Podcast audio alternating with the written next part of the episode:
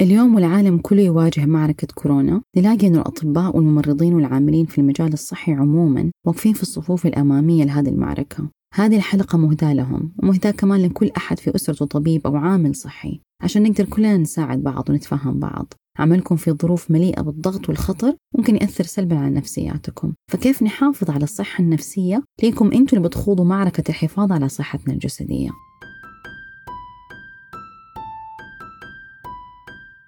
أهلا وسهلا فيكم. معاكم سلمى المفتي معالجة نفسية لمركز آت للاستشارات النفسية. برنامج بصائر هو برنامج يعالج قضايا نفسية نشر التوعية وتغيير النظرة السلبية النمطية عن الأمراض النفسية والصحة النفسية.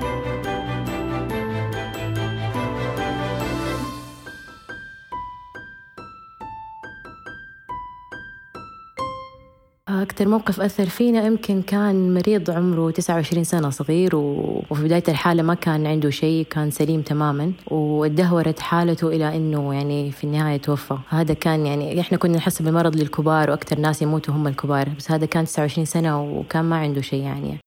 هذا صوت مديرة صيدلية عن مشهد شافته مؤخرا لوفاة شاب بشكل غير متوقع. الله يرحمه ويرحم كل من توفى في هذه الأزمة. في فترات الكوارث يواجه الأطباء والعاملين في الصحة والإنقاذ ظروف استثنائية. حالات كثيرة احتكاك مباشر مع المعاناة قلة فترات الراحة الشعور بالمسؤولية العالي وحتى الشعور بالذنب. والخوف طبعا الطبيعي من الإصابة بالعدوى أو حتى من الخوف إنهم يعدوا الأهل. مو شرط يكون ضغط العمل الحالي مع الكورونا له أثر مباشر. يعني في كثير أشخاص ما يشعروا على طول بهذا الخوف أو الضغط. لكن الأثر ممكن يكون بعد فترة على صحتك النفسية لأنه تراكم الخوف والقلق والضغط هو اللي لازم ننتبه له. كيف هي الأجواء العامة اليوم في المستشفيات؟ يمكن إحنا ما نقدر نتصور بدقة التغييرات الكبيرة اللي طرأت على بيئة العمل في القطاع الصحي. والعاملين في الطوارئ زي الممرضة هناء عايشين هذا التغيير يوميا من يوم ما بدأت الأزمة. توصف فيه المستشفى وكيف أنه الكل حذر ومتوتر والكل لابس ملابس الحماية. الأجواء العامة الحالية في المستشفى هي أنه توتر هذا أول شيء. تاني شيء حذر. يعني بمعنى أن أول ما تدخل البابات كلها طبعا اتقفلت وما في غير ممرضتين واقفين عند كل باب وحيقيسوا حرارة كل أحد داخل والمستشفى هدوء لأنه ما فيها مراجعين ما فيها مرافقين ما فيها عوائل ولا أهل المرضى ولا زيارات ما في غير المريض ومو كل الموظفين موجودين فقط الموظفين المهمين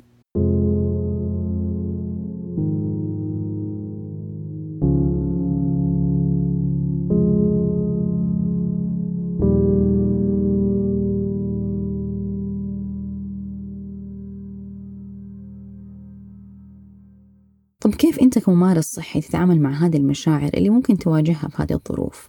وإيش هي حلقة القلق وكيف نقدر نكسرها؟ حنتكلم عن أهمية ال resilience أو المعاودة والحفاظ على المرونة العالية اللي تأهلك إنك تستمر وترجع مرة تانية وكيف تتأقلم مع الظروف الصعبة مع مثال عجيب لشخص كان يتمتع ب resilience عالي وقدر يساعد في إنقاذ أكثر من 2000 شخص في هجمات 11 سبتمبر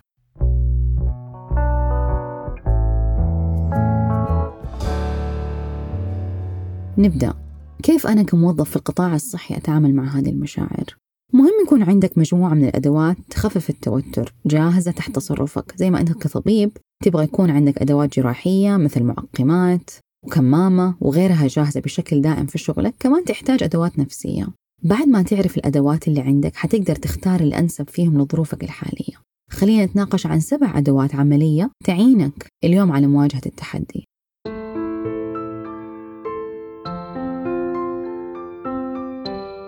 أولا الوعي بمشاعرك. بشكل عام معروف عن الدكاترة أنهم ناس عمليين ما تستوقفهم المشاعر بشكل كبير بحكم وظيفتهم وتعودهم. سرعة اتخاذ القرارات بطريقة منهجية مع تجريد الشعور وهو طبعا في مصلحة المريض. فالمشاعر يكون مرورها سريع جدا وكثير ناس يشعروا إنه لازم هذه المشاعر ما تطلع أو ما تبان لانها ما حتخليني متوازن وحفقد السيطرة على الأمور وما أبغى كمان أبان ضعيف. لكن هل حتكتم هذه المشاعر تماما حتى بعد ساعات الدوام؟ خصوصا في فترات الضغط العالي زي الكوارث هذا الشيء لازم نكون منتبهين له لأنه فعليا في ثمن للكبت المتواصل للمشاعر. خلينا نسمع ممرضة الطوارئ يمنى وهي بتاخذنا معاها على مشهد شافته.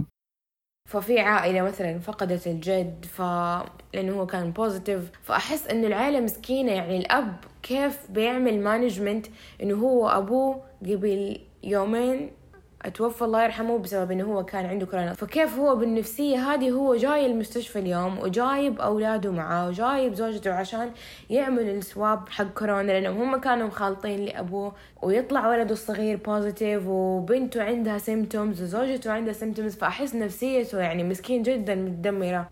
يعني أحس نفسي إني أنا أقدر أساعدهم بس وي كانت فيمكن هذه الأشياء كلها تتجمع مع بعض تضغط علينا نحن نفسيا.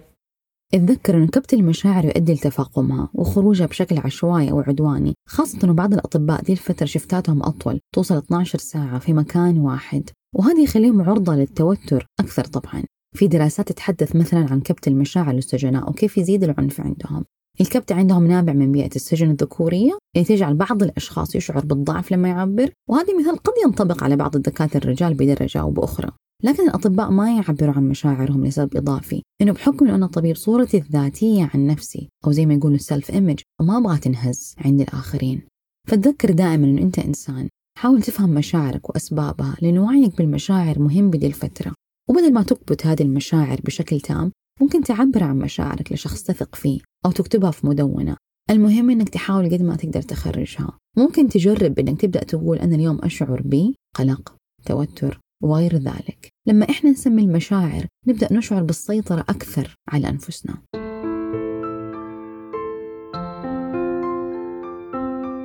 ثانيا قلل من النقد الذاتي على نفسك. كثير من الأطباء صراحة أنا من خبرتي في المجال العلاج النفسي يميلوا للمثالية. طبعا عليها دراسات. بشكل عام المثالية لها فوائد مرة كثير. الاهتمام بالتفاصيل الشعور العميق بالمسؤولية الحفاظ على المعايير العالية والخوف من الخطأ. فبالتالي الدكاترة توقعاتهم عالية من أنفسهم.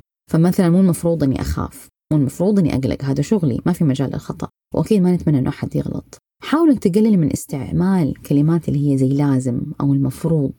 أو زي ما يقولوا إنه cut down on the shoulds. لأنه العقل في حالات الطوارئ ما يحتاج ضغط زيادة وطلبات زيادة. بالعكس يحتاج إنك تخفف كلمات زي المفروض. فممكن تستخدم كلمات زي يبغالي أجرب. أو الأفضل لو كذا سويت. هذا مو معناته إنك طبعا تغلط. وتكون شخص غير مبالي لكن نظرتك للخطأ ومراجعته هو عشان أوصل للحل أو أحط حلول مو كأداة إني ألوم نفسي وأجلد ذاتي. وفي حتى حملة توعوية في المدن الأوروبية اسمها The Second Victim وما يسمى إنه العاملين في القطاع الصحي ضحايا أيضا نفسيا للأزمات.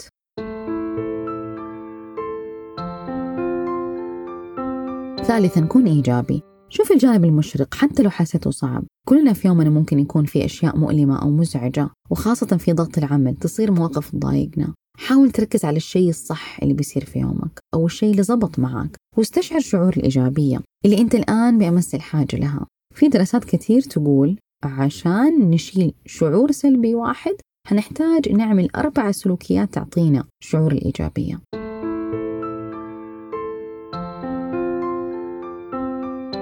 رابعا عيش كل لحظة بلحظتها. لا تاخذ كل شيء معك البيت وتجلس مهموم. أعطي الموقف والشعور حقه من المشاعر. بعدها حدد المشكلة ورتب لها حل إذا أصلا كان في حل بيدك. وبعدها انتقل للحظة وعيش يومك بكل سلاسة. أغلب الأشياء اللي إحنا قاعدين نذكرها يبغى لها تمرين. يعني هي ما حتيجي بكل سهولة آه، من يوم وليلة. فتحتاج تمرن عقلك. تحتاج تسوي جهد.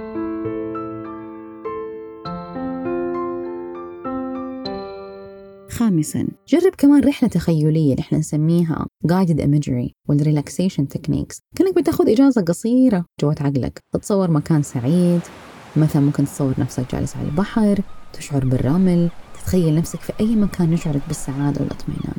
كثير أحيان إحنا نحتاج هذا ال break نحتاج هذا الوقت إنه إحنا شوية نفصل من اللي إحنا فيه ونشعر بالإحتواء. وأوقات في قمة الضغط نبغى هذا الهدوء والسكينة اللي في العقل.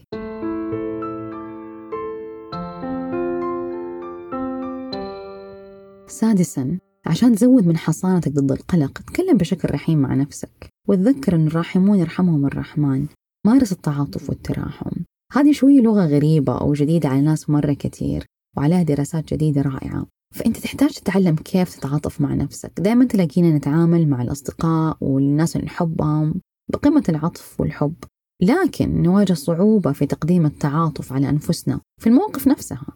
فالسؤال الأساسي اللي ننسى نسأله وبخاصة الدكاترة عن شعور الضغط هم ينسوا يسألوا أنفسهم إيش أنا أحتاج عشان أرتاح؟ إيش الشيء اللي أقدر أسويه دحين عشان يطمني؟ فلا تكون قاسي على نفسك. ممكن تردد بعض الكلمات اللي تذكرك إنه إحنا ما إحنا خارقين أو إحنا في النهاية بشر ولحظات زي كده صعبة. واشعر بهذه الكلمات؟ اشعر بهذه التطمينات؟ وخليها تستقر عندك. ممكن تتنفس بهدوء. وفي النهاية ذكر نفسك إنه أنت اللي بتسوي شيء برضو مرة عظيم كمقدم رعاية. أعطي نفسك الشيء اللي تحتاجه. كشعور بالقوة أو الشجاعة والسلام والرحمة. وحاول تخفف الحكم على نفسك. يعني الرحمة الذاتية أو العاطفة تعطي بشكل عام طاقة مرة إيجابية لأنها فيها تخفيف عن اللوم أو التأنيب. يخلينا بشكل عام نشعر بإنسانيتنا ونشوف ونعترف بأوجه قصورنا ونغفر لأنفسنا ونستجيب لأنفسنا وللآخرين بعناية واحترام. وإحنا في النهاية بشر لا تستهين أبدا بالسلف كير أو بالعناية الذاتية. خاصة الدكاترة متعودين يهتموا في غيرهم مو بأنفسهم. العناية الذاتية إنك تاخذ راحة أو تستحمر برواق من الأشياء اللي مرة مهمة حتى لو أنت شفتها مرة بسيطة.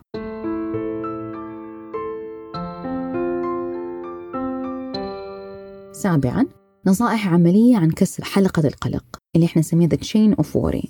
القلق لما يزيد ويكون إلى حد ما مضر نحتاج نوقفه. كثير أحيانا القلق حلقة أو عبارة عن تسلسل أفكار يعني زي لو صحيت عندي ألم فأبدأ أفكر ليكون جاني الفيروس.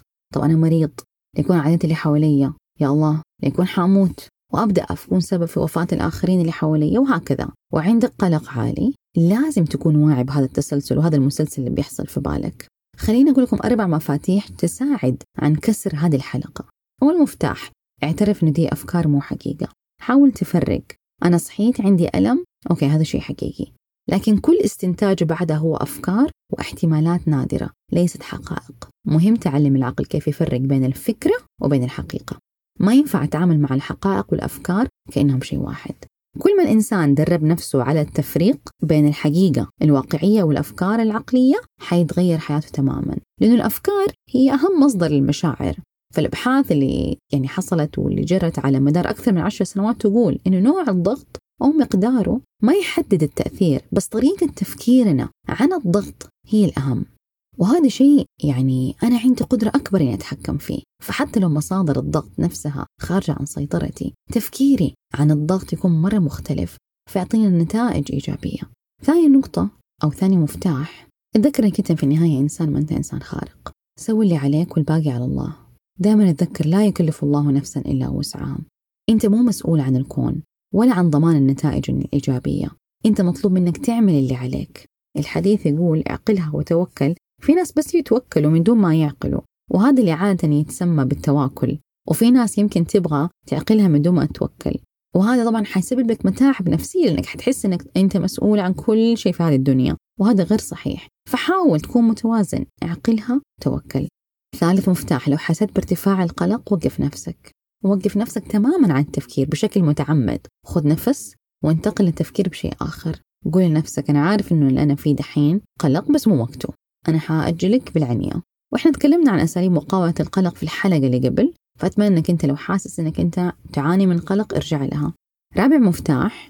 وبمناسبة التوازن عيش توازن صحي. عيش توازن حياتي. لأنه يساعدك في تخفيف التوتر.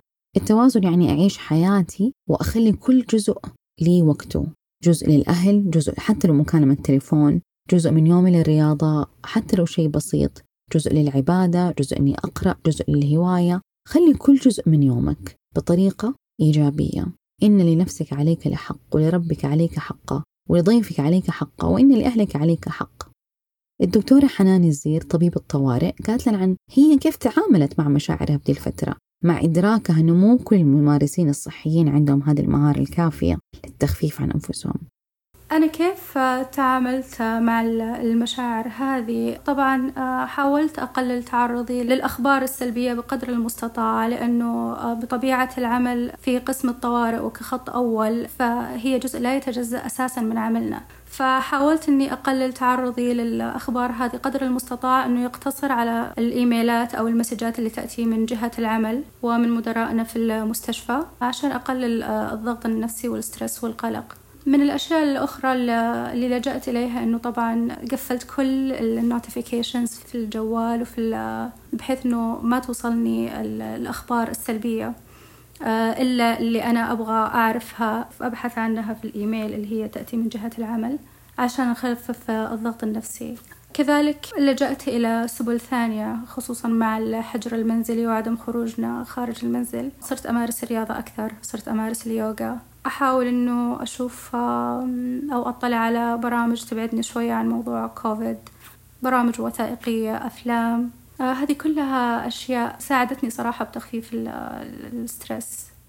طيب في زاوية إضافية مهمة الموضوع عن اليوم وهي ال resilience اللي ممكن نترجمها المرونة في الظروف الصعبة. القدرة على التأقلم تحت الضغط العالي. هذا ال resilience يكون أقوى في مرحلتين. الأولى ما قبل الظروف الصعبة أو الكارثة. والمرحلة الثانية هي ما بعد الكارثة وكيف أتصرف بعدها. ما قبل يعني أنا مثلا إذا كنت متجهز نفسيا وعقليا للظروف الصعبة ما أكون متفاجئ زي البعض. وكمان يفرق لو كنت متدرب على الظروف هذه أو حتى مريت بشيء منها في الماضي. ما بعد فهو إنك تبني على هذه التجارب القديمة أو الصعبة اللي مريت فيها. وحتى تجربتك الحالية كطبيب أو ممرض مثلا في أزمة كورونا ممكن تبني عليها بحيث تزود صلابتك ومرونتك. إذا صح التعبير.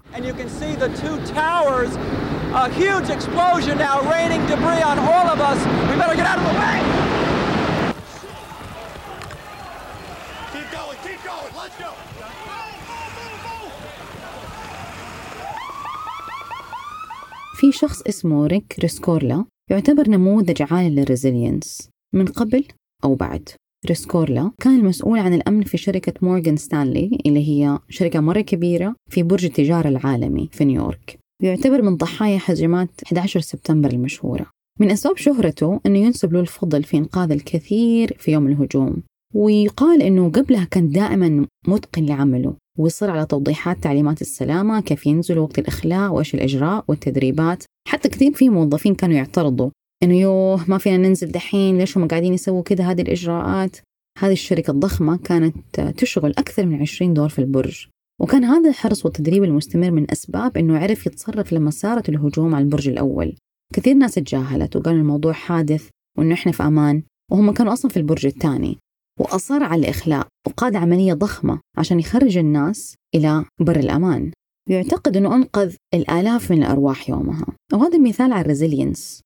أما ال resilience حق بعد الحدث عشان ريسكورلا في شبابه كان جندي وشارك في أكثر من عملية عسكرية هو بنى خبرة من التصرف تحت الضغط في المعارك فيومها ما انهار وحتى أثناء كتابتنا لهذه الحلقة بعد ما قربنا نخلص من المقطع اكتشفنا إنه هو في 2012 أعلنت الحكومة الأمريكية جائزة لل resilience اسمها ريك ريسكورلا نسبة له وفي إضافة مهمة لكل العاملين في القطاع الصحي وحتى لغير العاملين إحنا كبشر يرهقنا إحساس عدم اليقين. فإيش اللي جاي؟ إيش الأيام القادمة؟ هل حتعدي؟ هل حتضرر؟ هل يحصل شيء لعائلتي؟ وإلى آخره هذا كله أنت ما تعرفه ولا أنا ما أعرفه ولا أحد مننا يعرفه فلو حتعطيه مكانة محورية في تفكيرك حتتعب جدا طب ليش ما تحط نفس المكان للاحتمالات الثانية وبرضه ممكن ما تكون مضمونة بس مثلا ممكن أقول ما إحنا عادي حطلع من هذه الأزمة بخير طب إحنا حننتصر على هذا المرض أهلي حيكونوا مرة كويسين زي الفل قريب حننسى كل هذا أخيرا لكل طبيب وطبيبة أو ممرضة وممرضة وكل من يعمل في الدفاع عننا أثناء هذه الجائحة. تذكر الأجر العظيم اللي أنت فيه وأن الله يشوفك وأنت بتحميهم بالعلم اللي أعطاك هو تذكر إنها مرحلة وحتمر حتصبح ذكريات وحتنظر ليها بكل سعادة وفخر وحتتعلم منها دروس تفيدك وتفيد أولادك من بعدك وحتى تفيد المجتمع كله. الدكتورة أديبة بدران كان لها مشاركات في رحلات إغاثية في أكثر من دولة وفي مساعدة اللاجئين. عندها نصيحة تشد على أزر كل العاملين في هذه الظروف. آه، نصيحتي لكل العاملين في القطاع الصحي من دكاترة وممرضين. أول شيء أنهم يستذكرون النعمة اللي إحنا عايشين فيها إن إحنا قاعدين نخدم ناس. النعمة إنك أنت تقدر تخدم شخص ثاني والأجر عند رب العالمين اللي هم حياخذونه هذا شيء عظيم جدا. هذه أول نقطة. ثاني نقطة إنه إذا إحنا وإحنا السنتر أو هم دائما يقولون أنتم نقطة الدفاع الأولى إذا إحنا ضعفنا فكيف الناس اللي اللي اللي ساندين نفسهم علينا؟ أنا أعتقد أن بالعكس أشوف ناس كثير حولي يقولون لي والله إن إحنا نتمنى نروح المستشفى بس إن نشيل أغراض ونحط أغراض بس عشان إن نساعد المرضى. وتذكر إنه احتمالات الخطر منخفضة إن شاء الله. الحالات في السعودية وأغلب العالم العربي ما تزال تحت السيطرة وأقل من دول أخرى كثير متضررة. عشان كده تقدر تحط الأزمة وشعورك في محله وفي حجمه. وإذا احتجت مساعدة ما تتردد. اطلب الدعم النفسي من داعم. وهذا برنامج من هيئة التخصصات الصحية. تقدم دعم نفسي بإشراف نخبة من المعالجين والأطباء النفسيين لكل الممارسين الصحيين بطريقة مجانية وسرية.